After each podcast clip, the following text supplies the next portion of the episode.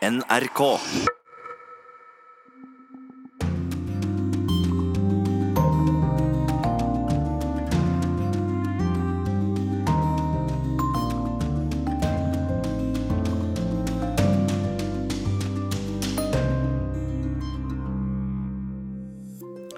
Det er valg i Thailand i morgen. Generalen som ledet militærkuppet i 2014, stiller til valg, og vi spør om han får folket med seg.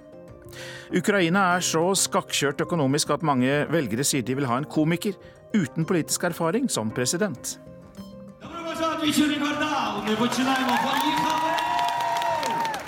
Zelenskyj er en svært kjent komiker og skuespiller. I en TV-serie har han også spilt en lærer som tilfeldig blir landets president. Er EUs korte brexit-frist for statsminister Theresa May en fordel eller ulempe for henne? Vi stiller spørsmålet til korrespondentene våre i London og Brussel. Podkasten handler om New Zealands statsminister som har håndtert terroren som rammet landet på en beundringsverdig måte. Og korrespondentbrevet fra Washington, der får vi vite at dugnadsånd ikke bare er noe vi ønsker å smykke oss med i Norge.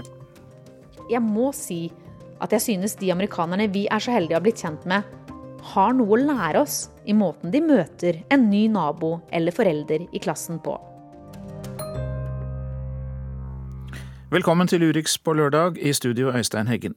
Aller først til meldinger som er kommet inn nå på morgenen om at det siste IS-området i Syria er erobret. Midtøsten-korrespondent Kristin Solberg, kurdiske styrker sier dette, hørte vi nettopp i Dagsnytt. Og hva sier de mer?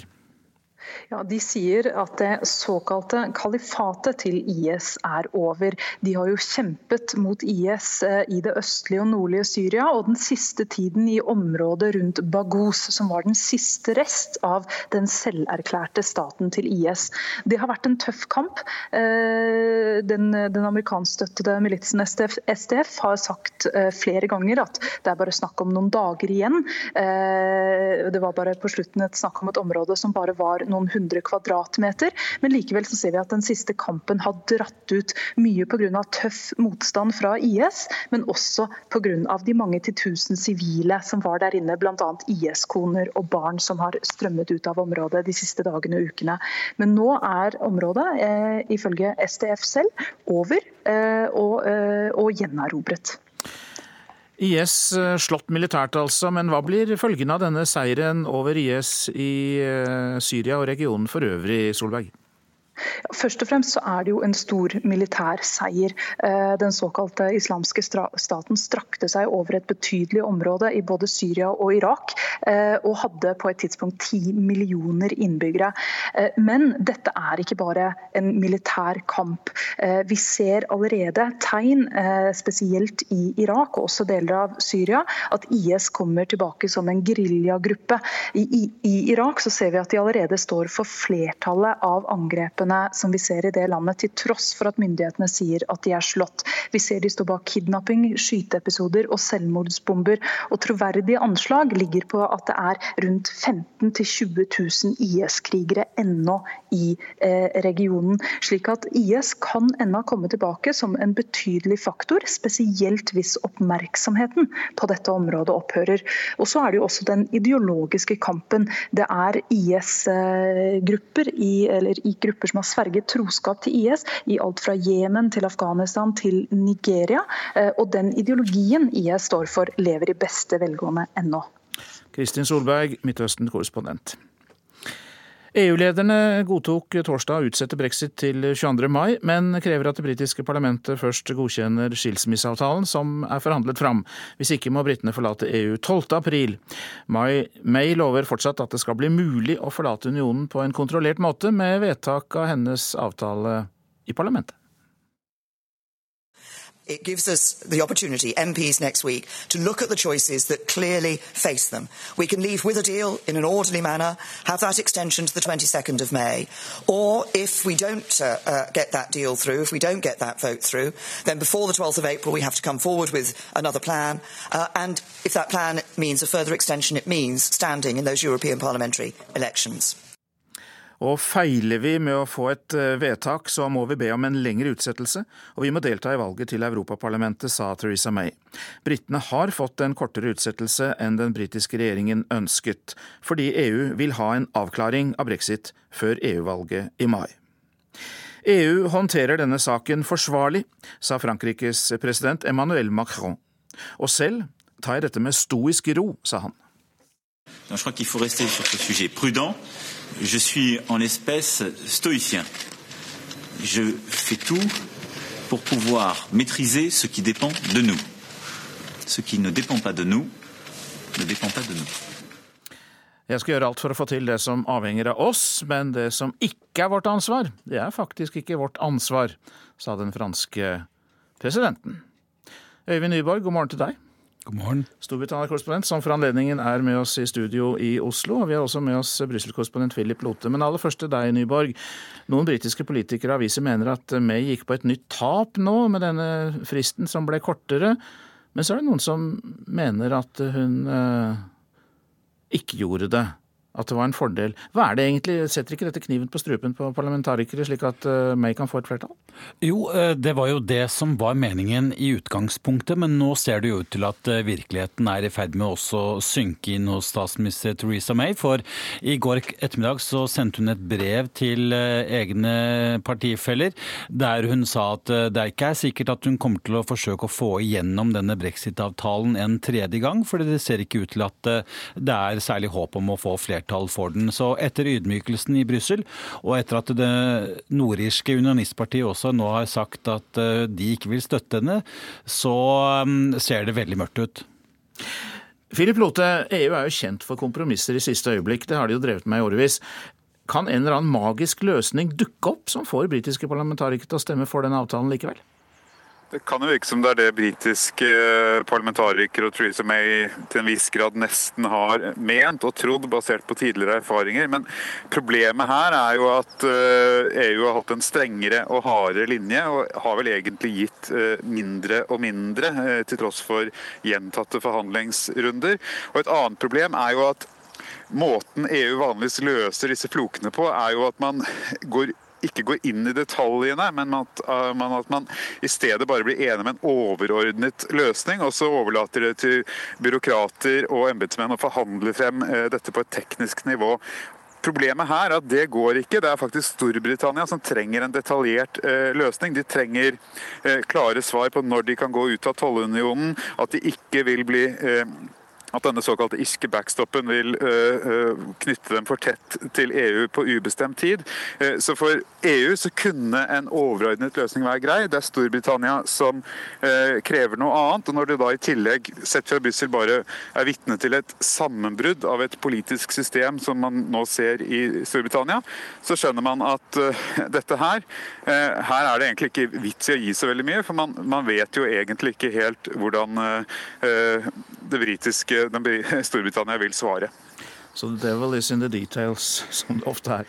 Uh, Nyborg, eh, hvorfor i all verden kan ikke Labour eller uh, noen Labour-parlamentarikere gi May de stemmene hun mangler uh, for å få gjennom avtalen? Jo, hun er jo avhengig av å få til det, men Arbeiderpartiet er jo, de er jo selv også opptatt av å levere på brexit. Men deres versjon av brexit er langt mer EU-vennlig. De ønsker seg en løsning som er tettere knyttet til EU enn det regjeringen har lagt opp til. De mener bl.a. at næringslivet hadde hatt godt av et medlemskap i tollunionen. Men eh, slik jeg ser det, og mange andre, er jo det at Arbeiderpartiets brexit-strategi foreløpig har jo egentlig bare hatt eh, eh, har egentlig bare gått ut på å hatt som mål å, felle regjeringen og få til et nyvalg. Så er det jo også det at de har vært og er akkurat like splittet i EU-spørsmålet som det konservative partiet. Nå i det siste har vi jo sett at flere av de sentrale Arbeiderpartifolkene har gått ut og, og, og dannet en egen uavhengig gruppe i parlamentet. Og så har de hatt mange opprivende debatter om de skal gå inn for en folkeavstemning eller ikke, og, og det er mange som mener at uh, Jeremy Corbyn selv vingler veldig mye. Og dette er bare noe av grunnen. Philip Lote, dette spørsmålet går til begge, men først til deg, eh, Philip. Eh, hva er tipset ditt eh, nå, da? Nå helt på tampen i den tolvte time? I den tolvte time eller 13 eller 14 eller hva man skal si. Jeg, jeg tror ikke jeg tør å ha noe tips, jeg. Men, men, Donald Tusk sa det, alt kan skje. Men det som gjør at nå EU i større grad frykter en hard brexit og er forberedt på det, er at de opplever vel at, som Øyen var inne på, at både Theresa May og uh, Jeremy Corbyn eh, vil sette sitt eget parti først. De, vil for all del unngå en splittelse i sitt eget parti. Og nå er det da en frykt hos uh, forhandlerne og de ulike regjeringssjefene i EU eh, e at uh, Theresa May vil til slutt gå for en hard brexit hvis hun tror at uh, hennes ettermæle ville risikere å være at hun splittet de konservative. Uh, og så er det også det som Macron sa, at som en slags politisk lekse, lærepenger for alle EU-land, e er at man skal ikke forsøke å gå ut av EU uten at man har prosjektet klart. altså at man vet på hvilke betingelser man vil gå ut. Det er det man har har å lære fra dette her. Eh, og Tusk sa at han, eh, han ble konfrontert med dette på slutten av pressekonferansen etter toppmøtet i går, eh, er EU i stand til å håndtere Storbritannia som en rival hvis det nå blir en hard brexit. Og så sa han at det kan jeg ikke svare på, emosjonelt så er jeg ikke der. Storbritannia er fremdeles medlem, de er våre venner.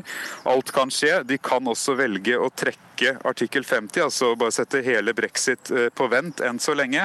Det kan bli en ny folkeavstemning og det kan bli et nytt valg. Alt kan skje, sa Tusk. Og det er det eneste positive jeg har å si si alt kan skje, sa han. Øyvind Nyborg, kort punchline. Uh, jo, uh, i Storbritannia så ser det ut til at brexit-avtalen er død. Uh, og i mellomtiden så er det bare å telle ned til at statsminister May går av som statsminister. Takk til dere to. Øyvind Nyborg, som du nettopp hørte der, og Philip Lote, Brussel-korrespondent og London-korrespondent.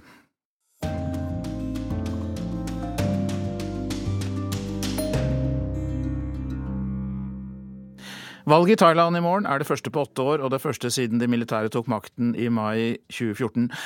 I det kuppet fjernet de for andre gang en statsminister fra Shinawat-familien og oppløste nasjonalforsamlingen.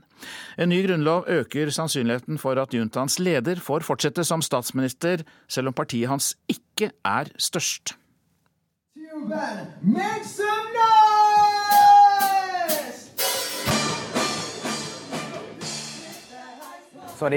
ผมภูผาภูวดลอานนท์ Popa, Poadanon og medlemmene av bandet han spiller i, er blant de sju millioner førstegangsvelgerne i det thailandske valget. De kan komme til å ha stor innvirkning på valgresultatet.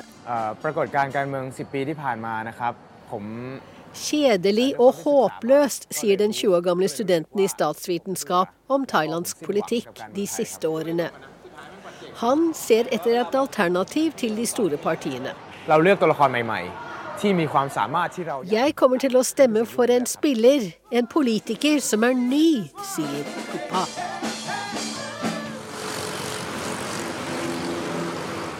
ก็อยากจะให้มันทุกอย่างนี่อะไรก็ให้ดีขึ้น jeg vil at alt skal bli bedre.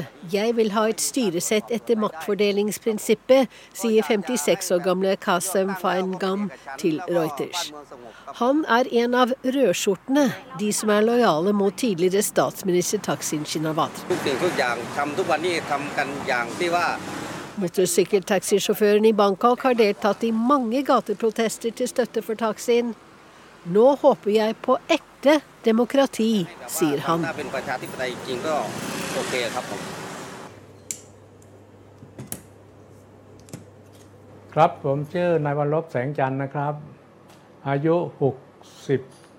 Lop Sang-chan presenterer seg.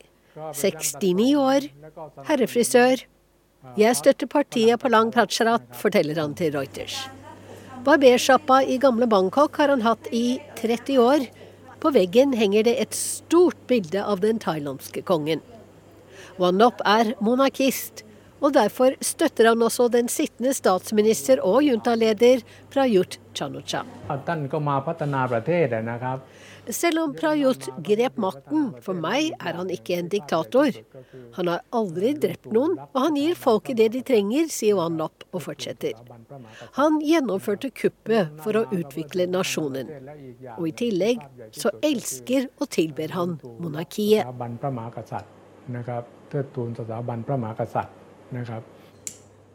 Reporter her var Wenche Eriksen. Den thailandske kongens storesøster, prinsesse Ulborat, sjokkerte Thailand da hun i begynnelsen av februar stilte opp som statsministerkandidat for opposisjonen, men ble straks stanset av sin lillebror, kong Vachiralongkorn. Og Dermed ser det ut til at juntaens leder, som vi også hørte om i dette innslaget, Prayut Chanucha, vinner valget. Det tror Thailand-kjenner og prioforsker Marte Nilsen. Ja, det er vanskelig å si det nå, men eh, mye kan tyde på at det er eh, junta-leder eh, general Prayut som fortsatt kommer til å være statsminister også etter valget. Hvorfor tror du det er mest sannsynlig? Ja, dette valget handler om to ting. For det første så er det general Prajuts ønske om å fortsette som statsminister. Han tok makten i et militærkupp i 2014. Eh, og, eh, har, og, Thailand har vært et militærdiktatur siden det. Så kan man ikke sitte med makten gjennom en militærdiktatur i all evighet, selv i Thailand. Så eh, dette er hans forsøk på å legitimere sin fortsatte rolle i politikken. Og for å gjøre det så har de opprettet et parti, Palang Prachat, som skal da eh, Som har nominert ham som sin statsministerkandidat. Det andre dette handler om, er å hindre fløyen til Taksin Shinawat, denne statsministeren som ble kastet i et kupp i 2006, som eh, har levd i eksil siden da. Um, og hindre hans støttespillere til å komme tilbake. Nå husk at eh, Prayut tok makten i 2014, så var det for å kaste Taksins søster Yinlok Shinawad. Eh, Hvorfor er det så viktig å forhindre at dette søskenparet Yingluk og Taksin Shinawat slipper til? Ja, disse Puatai-partiet, som er deres parti nå, det, og, og, støttepartiene deres, de, eh, de, har utfordret den tradisjonelle makten i Thailand.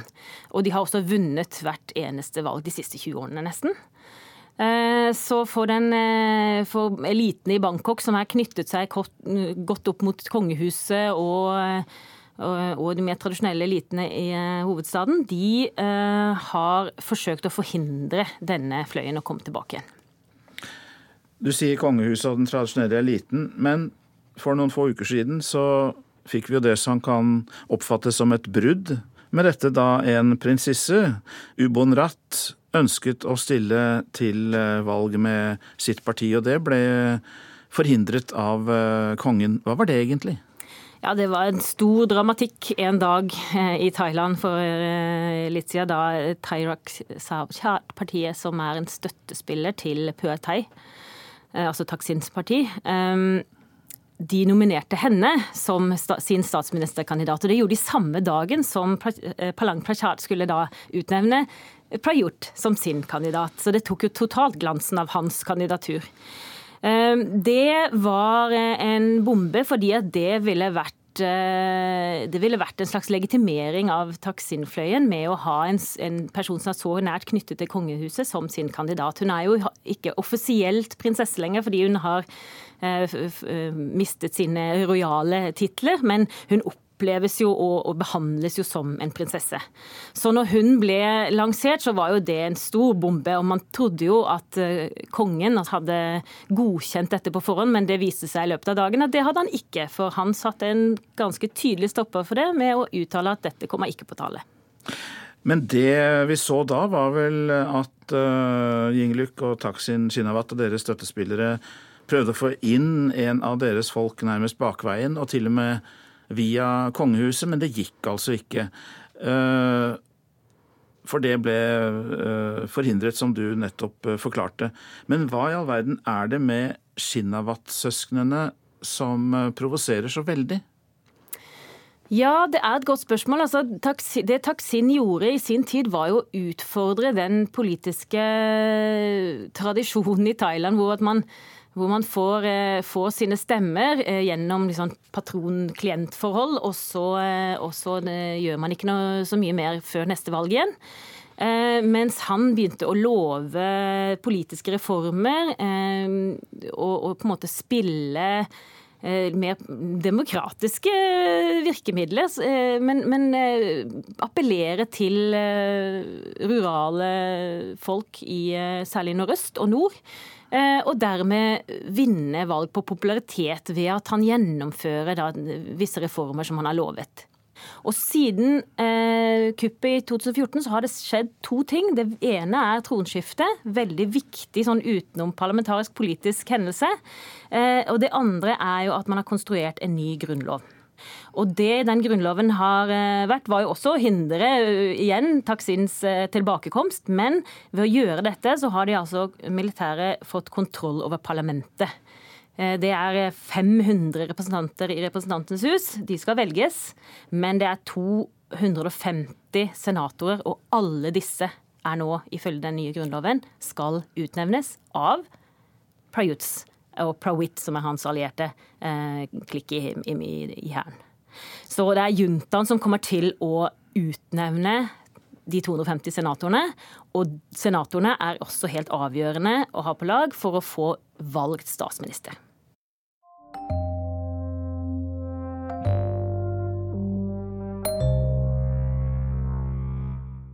I Ukraina er det presidentvalg neste søndag. Kandidaten som leder på målingene er komikeren og skuespilleren Volodymyr Zelenskyj. Sittende president Petro Porosjenko og tidligere statsminister Julia Timosjenko kommer på de neste plassene. Velgere NRK har snakket med, sier at de har mistet tiltroen til politikerne og vil stemme for en kandidat uten politisk erfaring.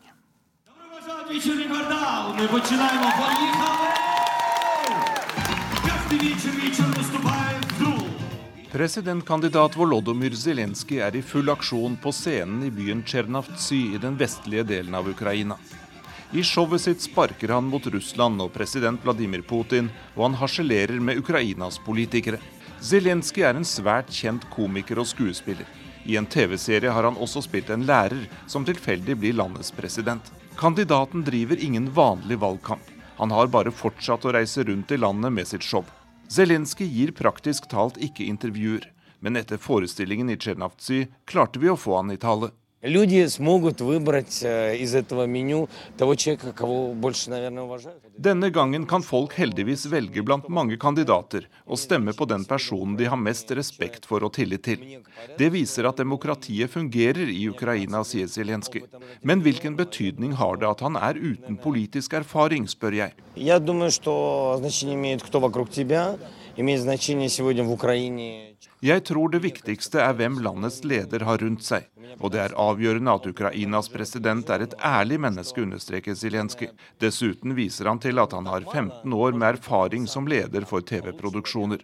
Derfor vet han godt at myndighetene ikke skal gjøre ting vanskelige for folk. President Ukraina, Petro Poroshenko!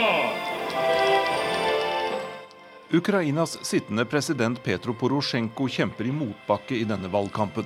Da han ble valgt i 2014 hadde veldig mange store forventninger. Men etter hvert fikk Porosjenko skylda for økonomiske nedgangstider og omfattende korrupsjon. Samarbeidet med EU har heller ikke gått så langt som mange skulle ønske. Og i tillegg er konflikten med Russland i den østlige delen av landet og i Svartehavet en stor belastning. Likevel er det ingen som tør å avskrive den sittende presidenten. Og han mener selv at han har mye bra å vise til.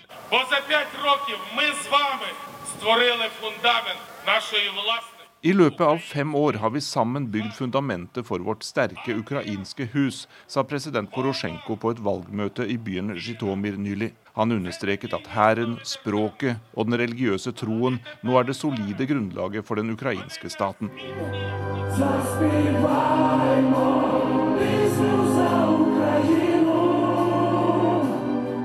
Noen tusen mennesker har kommet til sentrum av byen Drogobytsj i Vest-Ukraina for å høre selveste veteranen i ukrainsk politikk, tidligere statsminister Julia Timosjenko.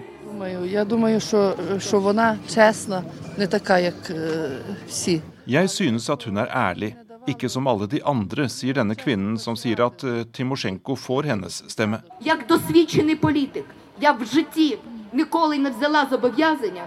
I sin tale lover Timosjenko velgerne en bedre økonomi hvis hun blir valgt. Hun sier også at hun vil halvere prisen på gass, noe som klinger godt i ukrainernes ører. Mange har blitt rammet svært hardt av stadig dyrere gass. Etter valgmøtet får NRK et raskt intervju med presidentkandidaten.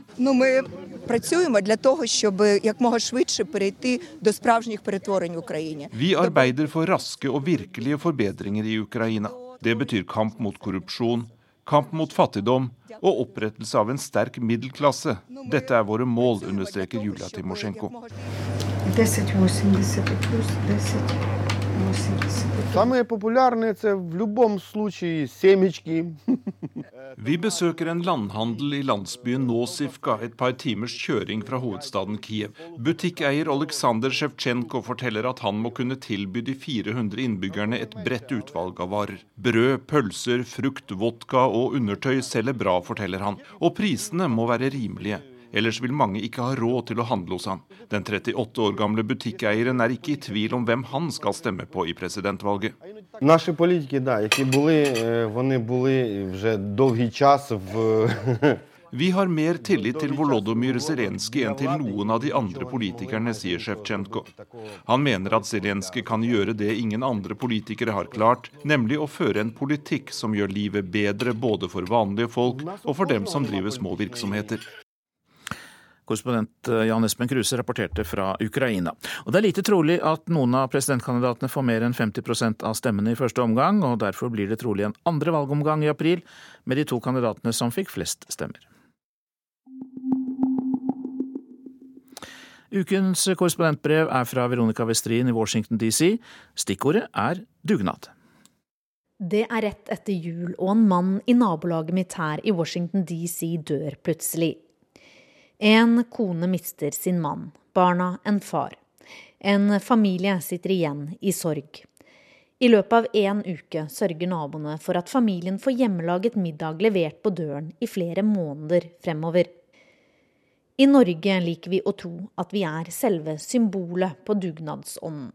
Vi stiller opp for hverandre. Dugnadskulturen ligger i folkesjela. Den kommer inn med morsmelka.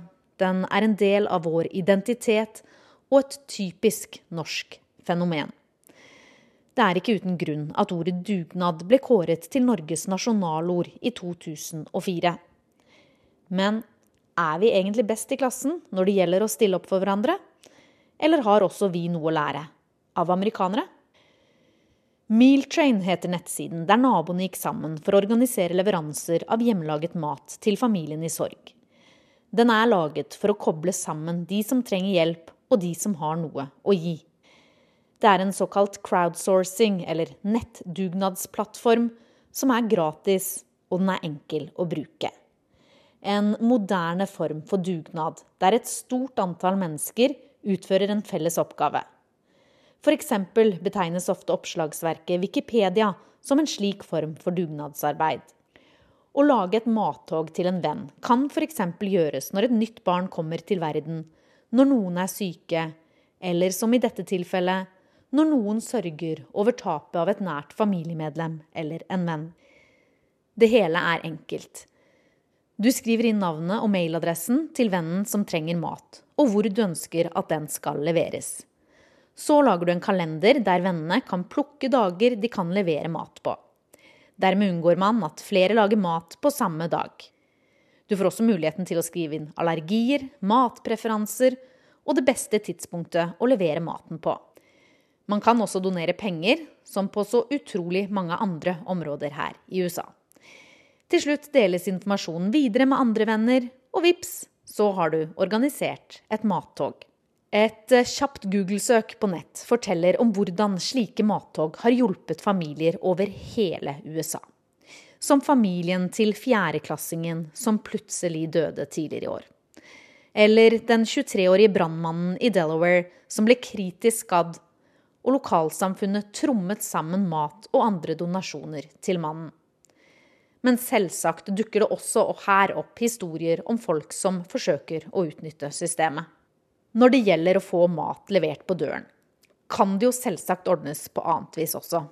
Det er jo ikke slik at man trenger en nettside for å vise omsorg for dem rundt seg.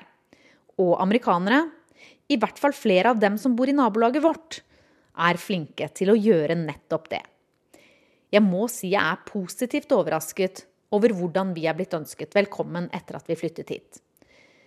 Fra litt lenger nede i gata har vi fått en pai fra et eldre ektepar. De ønsket å hilse nye naboer velkommen. En dag jeg lå utslått på sofaen med en kraftig forkjølelse og feber, tikket det inn en melding fra en mor i klassen til dattera mi her. I left some vegetable soup with chicken at your front door. Well, I hope it was your door. Jeg gikk ut, og på trammen utenfor sto deilig hjemmelaget varm suppe med en haug sunne ingredienser. Sånt varmer. Nå er det jo ikke slik at dette ikke skjer hjemme, men jeg må si at jeg synes de amerikanerne vi er så heldige å ha blitt kjent med, har noe å lære oss i måten de møter en ny nabo eller forelder i klassen på. Vi merket det ganske fort. Da vi flyttet inn i huset vårt, gikk det ikke lang tid før våre to nærmeste naboer hadde trommet sammen en velkomstfest. De stilte opp med norske og amerikanske flagg, hånd i hånd. Måten man møter hverandre på og stiller opp for sine naboer, er ikke et enestående eksempel på hvordan amerikanere ofte gjør en kollektiv innsats for lokalsamfunnet. Også da det var shutdown her, trommet en rekke private sammen ulike hjelpetiltak for dem som ikke fikk utbetalt lønn fra staten. Flere restauranter serverte gratis mat. I tillegg ble de berørte tilbudt alt fra gratis spinningtimer til kinoturer. Men det er også enkelte ting som får meg til å tenke. Ved skolestart på den offentlige skolen dattera mi går på, fikk vi i fjor høst en lang liste over produkter som skulle handles inn. På den sto bl.a. blyanter, maling og desinfeksjonsservietter.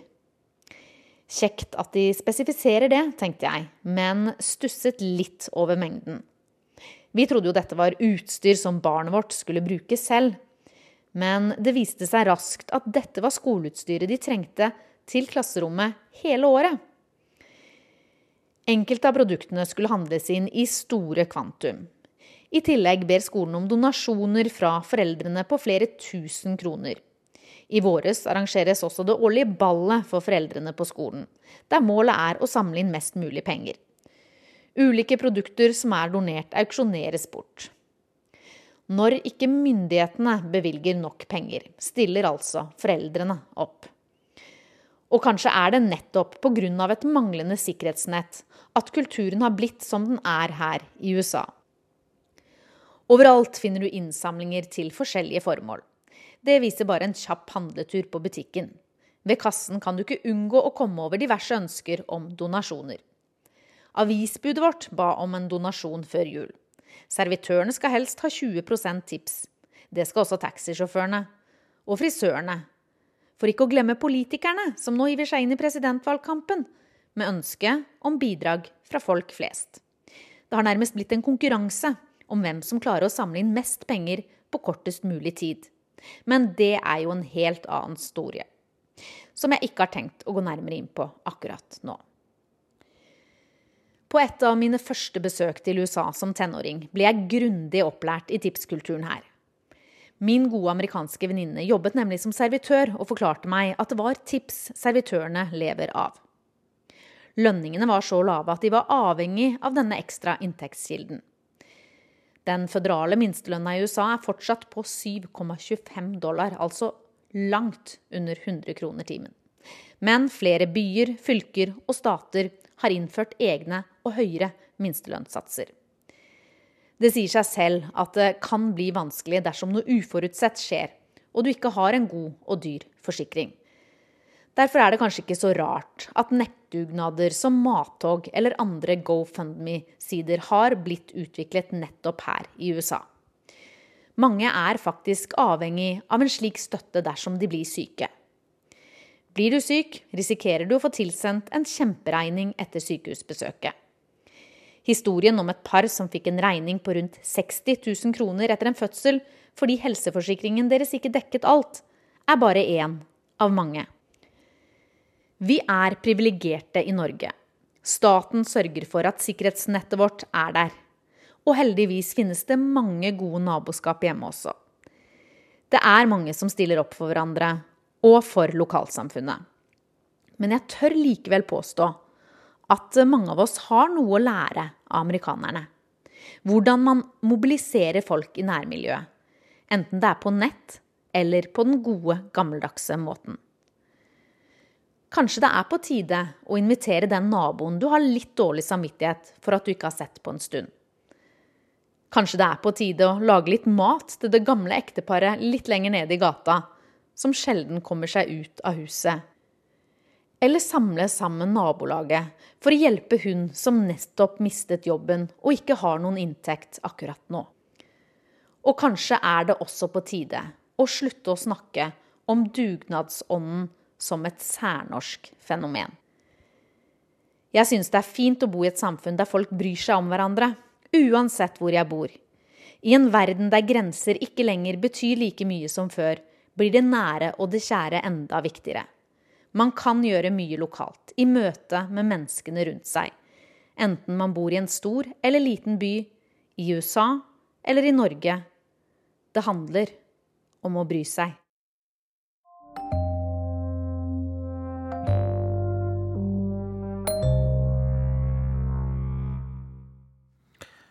Fire millioner newzealendere har fått sitt 22. juli.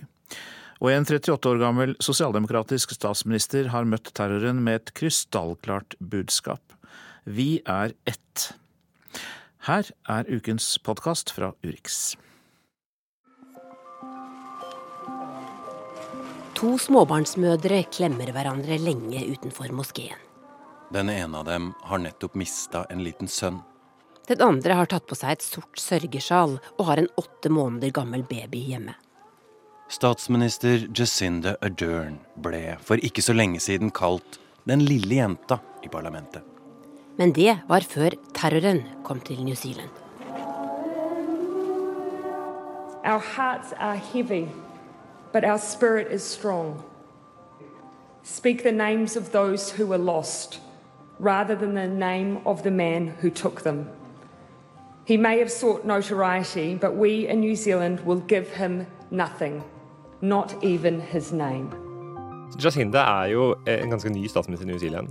Før hun ble parlamentsmedlem, så var hun leder av den internasjonale ungdomsbevegelsen for de sosialdemokratiske partiene i verden, som også AUF er medlem av. Eh, så AUF kjenner henne godt, og eh, de har møtt henne flere ganger. Blant annet vært på sommerleir med henne på de internasjonale sommerleirene som vi har.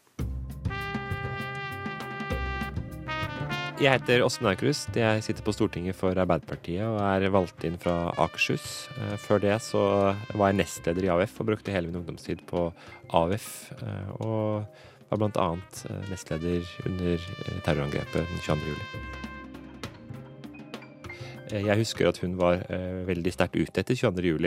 Eh, og følte det som et angrep på seg. Det er klart, når man har vokst opp sammen Vi har på en måte en slags felles ungdomstid ved at vi er vært en del av den samme internasjonale bevegelsen, eh, så eh, føles det veldig sterkt. Og selv om det var en forskjellig Selv om dette angrepet hadde ikke noe med sosialdemokratiet å gjøre, så var jo allikevel angrepet det samme, på den måten at man ønska å ødelegge det mangfoldige samfunnet. I Norge så gjorde man det ved å skulle ødelegge Arbeiderpartiet. Her skulle man gjøre det med å drepe muslimer. Og, så det er definitivt veldig klare likheter. Hun er ung. Hvor gammel er hun? Hun er ung, ja, og hun er den andre i verden som har fått barn mens hun er statsminister. Så hun er jo definitivt en, en, en, en foregangsfigur. og man ser på henne, så får man jo også veldig eh, minne tilbake til hvordan Jens Stoltenberg var etter 22.07. Eh, han, var, han var, og hun er, veldig opptatt av både å være samlende, inkludere hele folket, men samtidig ha et krystallklart budskap til verden om at ikke vi lar våre verdier eh, tråkkes på. Eh, når man ser henne, så eh, altså er det nesten som man kan høre ordene fra Jens Stoltenberg, hvor han snakka om demokrati og åpenhet. Vi er fortsatt rystet over det som traff oss, men vi gir aldri opp våre verdier.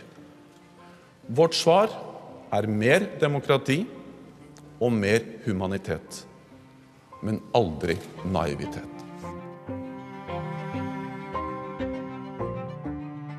Hvilke minner har du fått tilbake etter det som skjedde på New Zealand? Eh, I tida etter angrepet i New Zealand så er det eh, to ting som sitter veldig sterkt. Det ene det er jo den enorme sympatien med ofrene. Eh, man kan se for seg hvordan de har det. Man ser gråtende mødre gråter over sine unger. Og man blir dratt rett tilbake til Sundvolden, hvor man husker disse listene som ble hengt opp over savna hvem som var på sykehuset, og man ser for seg det kaoset som de lever i. Eh, og så er det jo den fortvilelsen over hvor farlig hat og konspirasjonsteorier er. og eh, Det vi fikk vi erfare 22.07. i Norge, og nå får vi erfare det igjen i New Zealand. og Det viser at verden har kommet for kort, og dessverre vil jeg også si at Norge har kommet altfor kort til dette arbeidet. Jacinda Ardern er 38 år gammel. Hvor gammel er du? Jeg er 34 år. Hvordan tror du det er å være hvis du hadde vært statsminister og dette hadde skjedd? Nei, det er jo utrolig imponerende. Og jeg tror at hun har gått inn med dette med hele seg. Og er opptatt av å være til stede for ofrene. Det er veldig rørende å se henne i moskeen sittende med pårørende og overlevende. Når du er i en så desperat situasjon som det du er etter å eh, ha mista noen, eller være, kanskje tro at du har mista noen, eller ikke ane hva som har skjedd med dine pårørende. Det eneste du vil ha, er jo en klem og holde, en hånd å holde i, og et medfølende menneske. og eh, det var Jens Stoltenberg på, eh, etter 22.07. for de overlevende etter Utøya og de etterlatte. Og nå ser man at hun er det på den samme måten. They were New Zealanders. They are us. We cannot know your grief, but we can walk with you at every stage. We can and we will surround you with aroha, manakitanga, and all that makes us us. Our hearts are heavy, but our spirit is strong. Men verken hun eller Jens Stoltenberg var jo selv til stede under angrepet der det skjedde. Du var jo på Utøya mm. da det ble skudd. Du gjemte deg til slutt i et telt? Det stemmer. Jeg var på Utøya. Jeg var nestleder i AUF i 22. juli. Og var på Utøya under hele angrepet eh, på forskjellige steder på øya. Og gjemte meg til slutt i et telt og kom til Sundvolden og Og hadde opplevd da angrepet. Hvordan, hvordan tenker du tilbake på det å ha vært livredd i en sånn krise, og så skulle håndtere andre et, rett etterpå? Nei, det er klart det er, eh, det er jo de verste timene i ens liv. Og det å være med å håndtere andre, det var jo også noe av det som ga mye støtte. Eh, at man støtta hverandre, var der for hverandre. Det viktigste er jo å ta vare på mennesker, men det er også veldig mye praktisk som må gjøres. Så man kan virkelig se for seg alt det de står i akkurat nå. Hun får veldig mye oppmerksomhet internasjonalt nå. Tror du dette vil gjøre henne til en en enda viktigere internasjonal stemme? Det tror jeg absolutt. Eh, og dessverre, får vi jo si. Men dette har jo gitt henne en talerstol over hele verden. Og jeg tror hele verden beundrer henne litt. Beundrer henne for hvordan hun eh, møter dette hatet. Eh, både med å være samlende, inkluderende, medfølende. Men også være krystallklar på hva New Zealand står for. Og har jo både stått opp mot hatet, hun har sagt hun skal gjøre endringer i våpenreglene, og tar jo også et oppgjør med de som driver med sosiale medier, og sier at det holder ikke sånn som vi holder på til nå. Vi kan ikke ha et system eh, hvor sosiale medier får kunne spre hat, eh, konspirasjonsteorier, og også være en eh, plattform for terroraksjoner, hvor terroraksjoner kan streames live, hvor man kunne se folk ble ble drept på de mest forferdelige måter. Og hun går i front i de debattene, og det bør Norge også delta i. We are worried for him. You can see every, all of my friends are waiting there. We don't have any answer. His family is pushing us, like, tell us, give us some information. What happened with him? We don't have information. Vi landa jo da um, etter en lang flytur og fikk beskjed da av kapteinen før vi gikk ut at uh, dere må forstå at uh, her har det skjedd et terrorangrep. Sånn at uh, dere må ringe myndighetene, politiet, med en gang hvis dere opplever noe som er mistenkelig, og dere må være forsiktige. Jeg er Kjersti Strømmen, NRKs Asia-korrespondent, og er i Christchurch, New Zealand for å dekke terrorangrepet.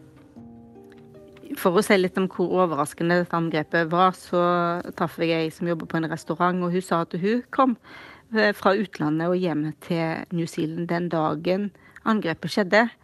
Det var dagen før jeg kom. Og hun fortalte at hun visste ingenting om det. Eh, for det hadde skjedd mens hun var i lufta. Så når hun kom fram og fikk høre at eh, hele byen er i lockdown, så var det liksom Det var helt ufattelig for henne, så tårene bare kom strømmende på. Og begynte selvfølgelig å tenke på alle sine kjente om hva som hadde skjedd med disse. Og i den lockdownen så ble det jo skoler og bygninger rundt omkring eh, offentlige steder i byen. var da sånn at man fikk ikke lov å bevege seg ut.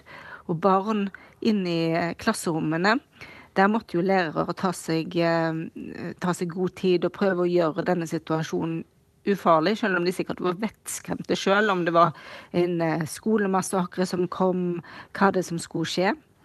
Og eh, barna som jeg har snakka med, de fortalte at det var nesten som å være på camp. Men de måtte tisse da i ei potte.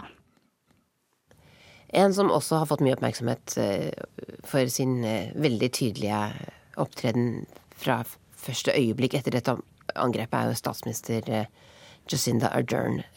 Hva tenker folk du snakker med om hennes respons her? Det som hun først og fremst får skryt for, er jo empatien. At hun har klart å vise da både styrke og eh, være tydelig og klar på hvordan de håndterer dette, hva de tenker. Hun opplyser mye om ting som ikke nødvendigvis eh, må sies, men har fortalt bl.a. om hvordan de har regler i dette landet som gjør at eh, folk som er etterlatte, vil få økonomisk kompensasjon. Det har vært mye snakk om hvordan man mentalt sett bør ta vare på hverandre, og der har hun også vært delaktig. Og, eh, så, men det er først og fremst dette med empatien, da. At hun får veldig god respons på det, hvordan hun har fremstått. Og kanskje at den forrige eh, statsministeren ikke ville ha fått til det.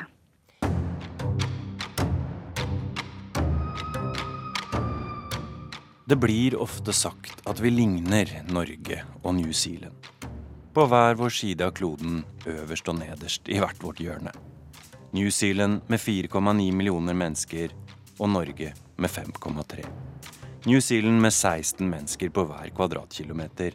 Norge med 15. Både New Zealand og Norge har for tida sin andre kvinnelige statsminister. Og nå deler vi også dette.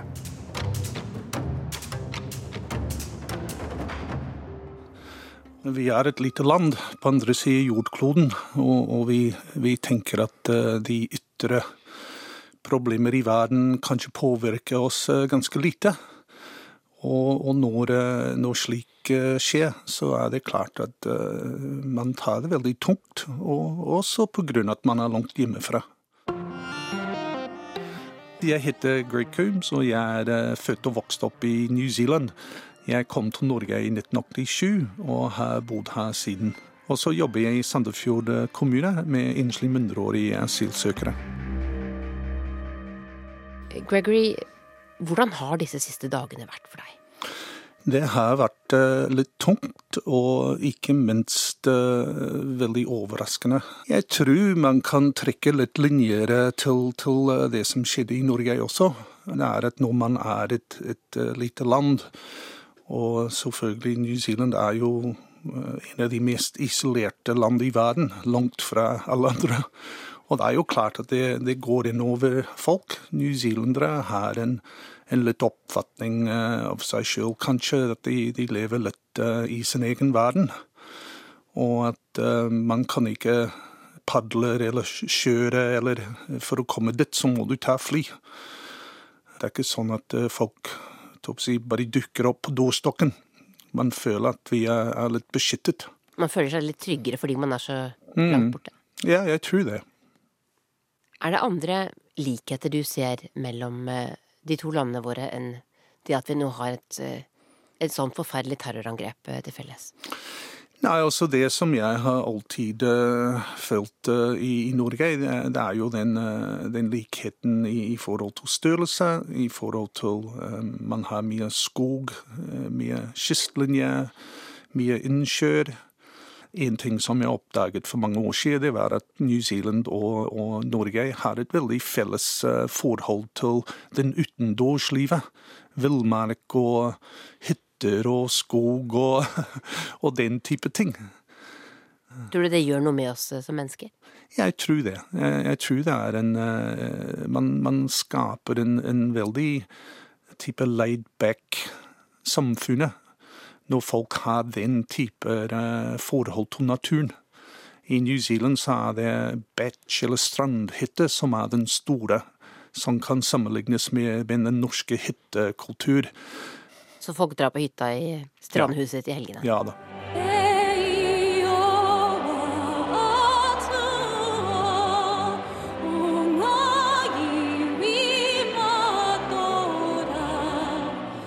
Når folk på New Zealand synger nasjonalsangen, f.eks. før en rugbykamp, tar de det første verset to ganger. E ihova atua. Kjære Gud for alle folkeslag, synger de på maori. Deretter på engelsk Gud forsvar New Zealand. Maoriene er det polynesiske folket som kom først til New Zealand, allerede på 1200-tallet. New Zealand var den, den siste delen av verden som ble befolket, og det er jo kanskje bare for 800-900 år siden. Når jeg vokste opp i New Zealand i 60-tallet, i en, eh, et forholdsvis lite by eh, som heter Cambridge i gata mi så var det eh, den gata jeg vokste opp i, det var jo kinesere, maori, polsk, nederlendere. Og mange, kom, mange har kommet for ikke så lenge siden også? Ja, det som har vært en stor forandring eh, i de siste 10-15 årene, det er jo eh, i, i, hvert fall i Auckland, hvor man nå ser at over halvparten av innbyggere i Auckland er ikke europeiske newzealendere. De er 1,4 millioner i Auckland, tror jeg.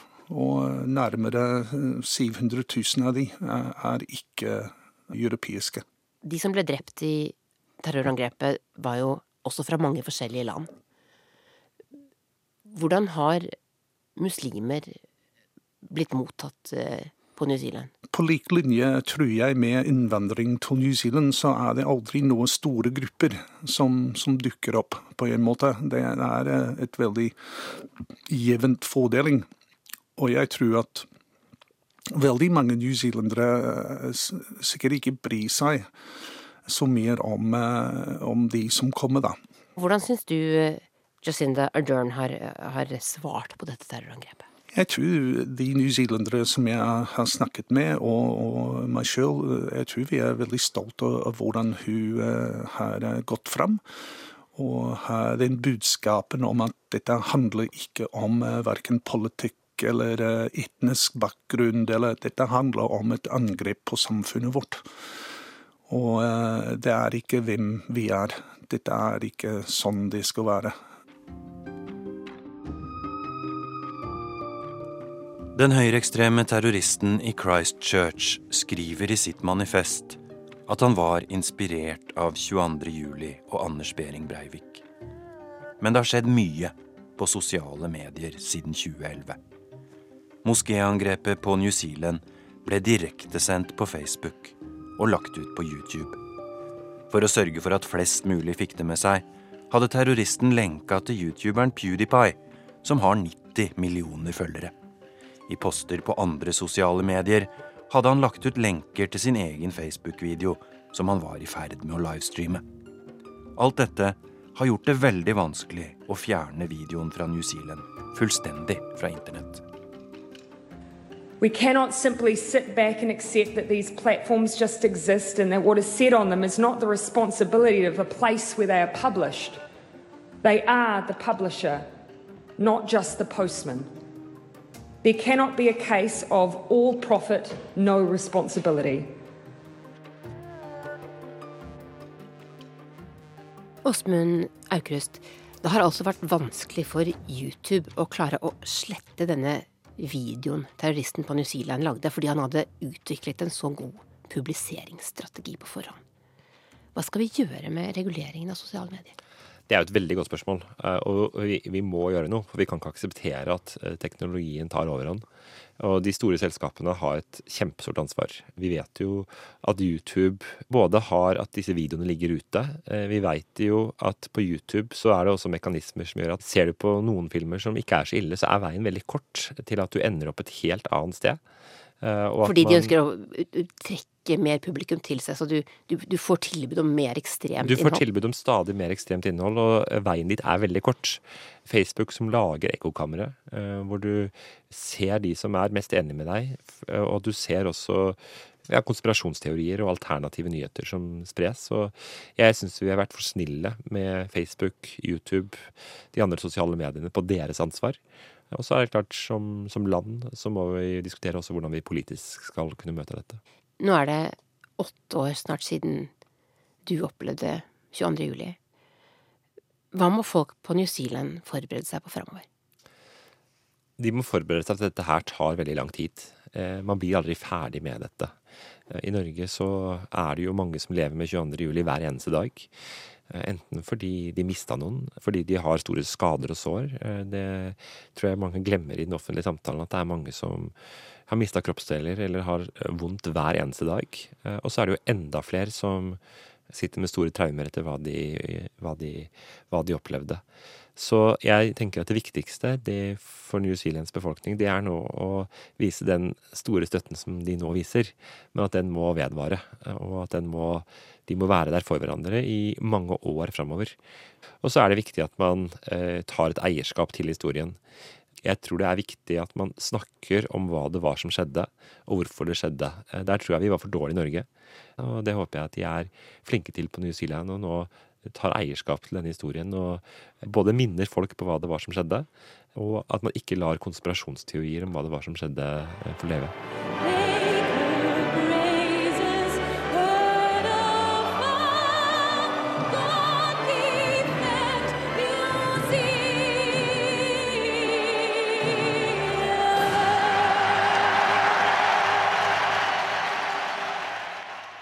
Podkasten var laget av Tove Bjørgaas og Tore Moland. Du har lyttet til Urix på lørdag. Teknisk ansvarlig Lisbeth Sellereite. Produsenter Emra Senel og Tonje Grimstad. Og i studio Øystein Heggen.